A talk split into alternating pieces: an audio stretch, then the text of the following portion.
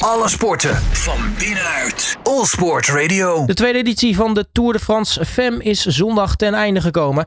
De Nederlandse Demi Vollering greep op uh, één na laatste dag de leiding bovenop de Tourmalet en gaf deze op de slotdag in de tijdrit niet meer uit handen. Ik ga erop terugblikken op uh, deze editie met oud-renster en commentator bij Eurosport Jip van den Bos. Jip, hele goedemiddag. Goedemiddag. En je vertelde ons afgelopen woensdag in de uitzending dat de koers uh, nog moest ontbranden. Nou, dat kwam uiteindelijk in het weekend wel goed.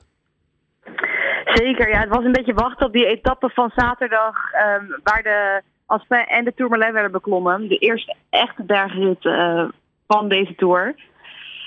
En uh, we hebben daar inderdaad op gewacht. We hebben een mooie koers daarvoor gezien hoor. Maar uh, toen brandde het pas echt los. Ja, je merkte we moesten wel... alsnog wel lang wachten die etappe. Maar in de laatste vijf kilometer van de Tourmalet ja, werden flinke verschillen gemaakt. Je merkt eigenlijk wel dus ook in het peloton dat uh, men eigenlijk ziet dat van uh, nou, zaterdag dan, dan gaan we pas echt aan de slag. Ja, um, de eerste zes etappes van de Tour waren wel lastig, maar waren echt met je heuveletappes. En je merkte dat de klassementsvrouwen het wel wilden om een verschil te maken, maar dat die etappes daar eigenlijk niet lastig genoeg voor waren. En um, ja, er werd dan toch een beetje gewacht op zaterdag. Ja, neem ons even mee terug, want uh, er is natuurlijk sinds die woensdag dat we elkaar voor het laatst spraken best nog wel een hoop gebeurd. Wat, wat zijn in jouw ogen nou de hoogtepunten geweest?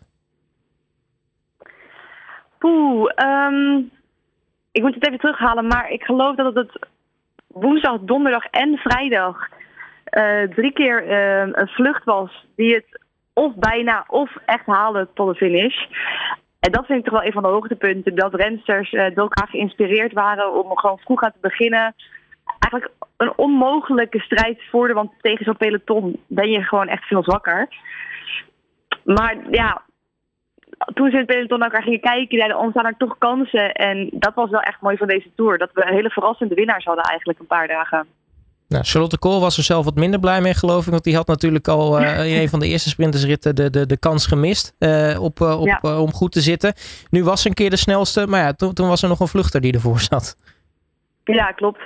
Ja, dat was echt heel lullig. haar team DSM hield echt heel de dag best wel goed controle. En maar op het eind van de wedstrijd, want er reed dat moment nog, nog twee rensters voor ja, moesten andere ploegen ook gaan helpen. En er waren wel ploegen die hielpen, maar eigenlijk net niet genoeg. Ook SD-Works, uh, het team van, van Demi Vollering, die hielp niet echt mee.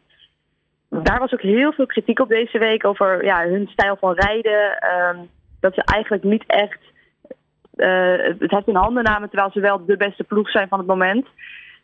En ja, eigenlijk daardoor pakten ze net die vluchters niet terug voor de finish. En uh, ja, won wel de sprint van het peloton, maar kwam daarmee niet verder dan de tweede plek. Nou, zaterdag... Dat is natuurlijk heel zuur. Ja, zeker zuur. Zaterdag gebeurde het uiteindelijk. Uh, neem ons even mee terug naar, naar die etappe. Want uh, je zegt al, uh, eigenlijk pas de laatste vijf kilometer van de etappe richting de top van de Tourmalet ontvlamde het pas echt. Ja. ja, het was eigenlijk heel de week wachten hè, op het duel tussen Vollering en Van Vleuten.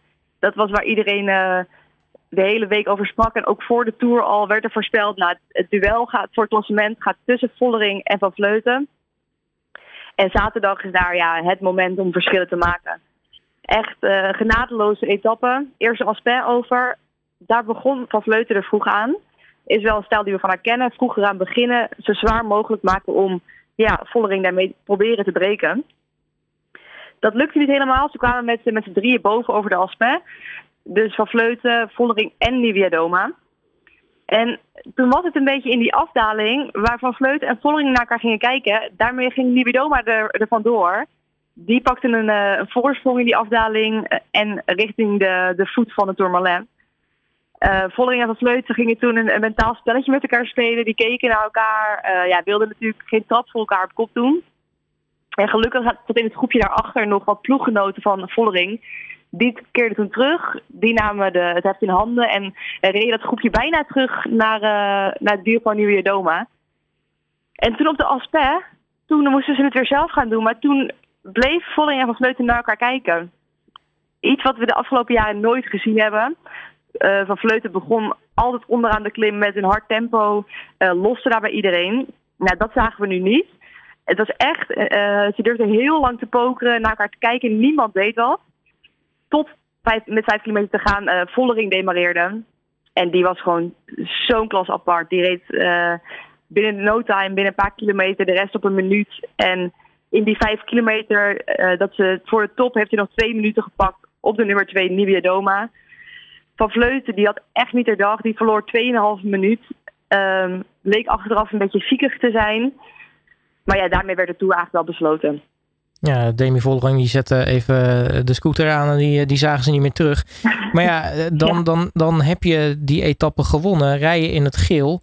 Maar dan komt er nog een tijdrit. En uh, nou ja, twee minuten is natuurlijk wel veel. Maar uh, in een tijdrit kan natuurlijk van alles gebeuren.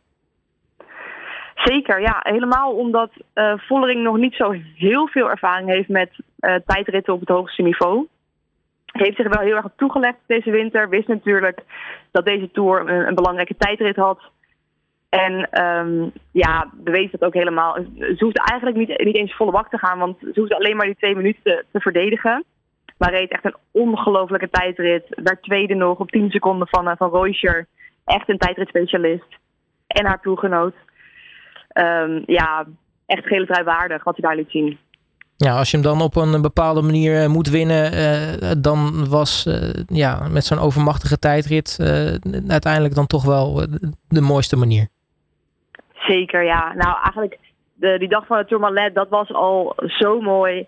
Het, dit was gewoon de kerst op de taart dat ze ook nog zo'n goede tijdrit reed. Nou, dat we het toch even over die tijdrit hebben. SD Works, het team van Vollering, had het dus sowieso lekker voor elkaar. Hè? plek 1, 2 en 3. Maar die, die Roycer, ja, joh, die, die, die gaf me een partij gas niet normaal. Sorry, wie? Roycer. Roycer, ja. Ja, daar hadden we het wel van verwacht eigenlijk. Reed ook in die etappe van de Tourmalet heel goed. Reed dat gat naar Niverdoma uh, zo goed als dicht richting de Tourmalet. Um, en vanaf dat moment is ze van kop gegaan en is ook heel rustig omhoog gereden. Of zo rustig als dat kan op de Tourmalet. Echt met het oog op die tijdrit. Uh, verloor 25 minuten in die, uh, op de Tourmalet. Um, ja, en is eigenlijk het hele jaar en ook vorig jaar liet ze al zien dat ze gewoon echt de wereldtop is. Uh, de enige die misschien echt tegen haar op kan boksen is Ellen van Dijk. Maar die is met zwangerschapsverlof op het moment. Dus het was wel te verwachten dat Roosje daar echt ging huishouden. Nou, uiteindelijk wint Demi Vollering dus deze tweede editie van Le Tour de France Femme. Um, wat wacht het vrouwenpeloton nu eigenlijk? Want nou ja, de, de Tour zit erop, maar er komen natuurlijk nog uh, fantastische ritten aan. Zeker, ja. Uh, iedereen gaat eigenlijk direct door naar het WK. Over uh, anderhalve weken is het WK in, uh, in Glasgow. Dus het is niet echt heel veel feesten. Iedereen heeft meteen weer oog op het volgende doel. Dus er is niet veel tijd ehm, om te herstellen. En ja, ja, daar gaat iedereen natuurlijk weer naartoe. Ja, wie zijn in jouw ogen daar favoriet? Ja, dat is wel grappig. Ja, ik denk, ik kan niet ontkennen dat hoe Demi Vollering reed deze Tour, dat ze de topfavoriet is. Maar Lotte Kopecky, ploeggenoot van Demi Vollering, rijdt ook een ongelofelijke Tour. Reed ook een hele goede tijd gisteren. En verrassend genoeg ook een hele goede klim uh, de Tourmalet op.